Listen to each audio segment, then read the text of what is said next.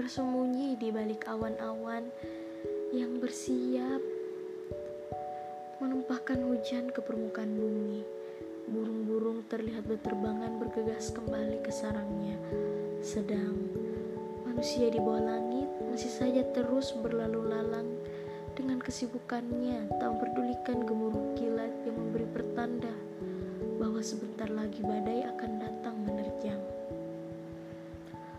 pertapa melihat berjalan dengan anggunnya menuju kuil mereka. Sepanjang perjalanannya, mereka terus berbagi pendapat tentang megahnya semesta dan seluruh komponennya. Namun, tidak dengan salah satu pertapa yang paling mudah, ia menghentikan langkahnya dan mulai menatap langit. Ia memandangi langit yang mulai menjatuhkan rintik hujan sembari bergumam.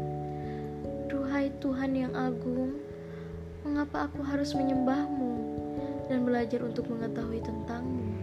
Lihatlah Tuhan, para pertapa tua yang lainnya setiap harinya memuji-muji dirimu. Bersyair banyak sekali tentangmu, bahkan setiap harinya berlakon baik hanya karenamu. Bagaimana kalau aku melakukan sebaliknya?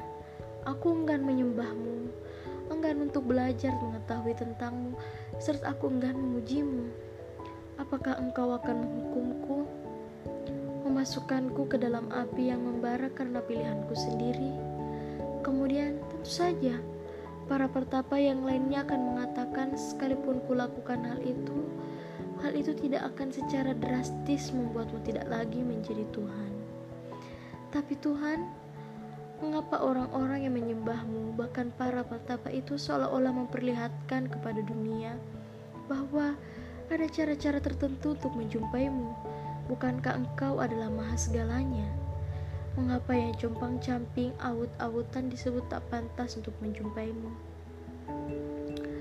Apakah engkau adalah Tuhan yang pilih kasih?